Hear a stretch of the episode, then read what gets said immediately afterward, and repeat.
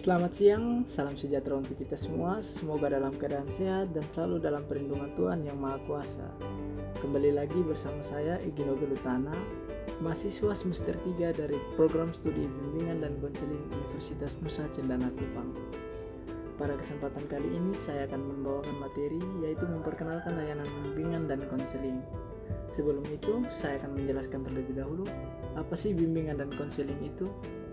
Bimbingan atau dalam bahasa Inggris guidance menurut W.S. Winkel dapat diartikan sebagai suatu proses pemberian bantuan kepada seseorang agar ia mampu memahami diri, menyesuaikan diri, dan mengembangkan diri, sehingga mencapai kehidupan yang sukses dan bahagia.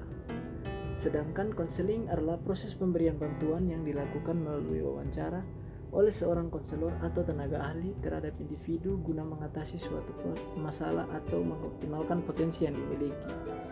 Sedangkan menurut Prayitno tahun 2004, bimbingan dan konseling adalah pelayanan bantuan untuk peserta didik baik secara perorangan maupun kelompok agar mandiri dan bisa berkembang secara optimal dalam bimbingan pribadi, sosial, belajar maupun karir melalui berbagai jenis layanan dan kegiatan pendukung berdasarkan norma-norma yang berlaku.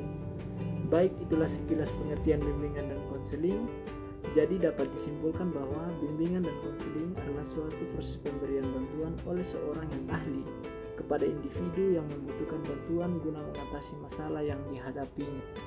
Dalam proses kegiatan bimbingan konseling sendiri terdapat empat bidang bimbingan di antaranya yaitu yang pertama bidang pribadi, yang kedua bidang sosial, yang ketiga bidang belajar dan yang keempat bidang karir.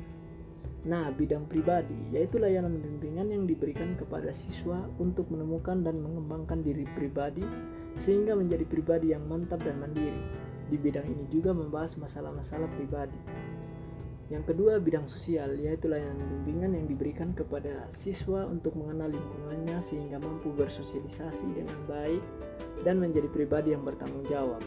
Dan yang ketiga yaitu bidang belajar yaitu layanan bimbingan yang diberikan kepada siswa untuk dapat membentuk kebiasaan belajar yang baik.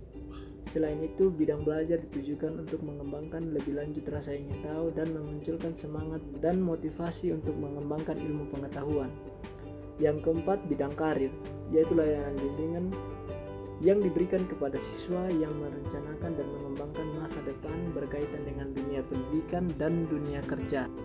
Uh, baik, selanjutnya kita akan masuk pada inti dari pembahasan kita hari ini yaitu layanan bimbingan dan konseling. Nah, dalam proses pelaksanaan bimbingan dan konseling terdapat tujuh aspek layanan.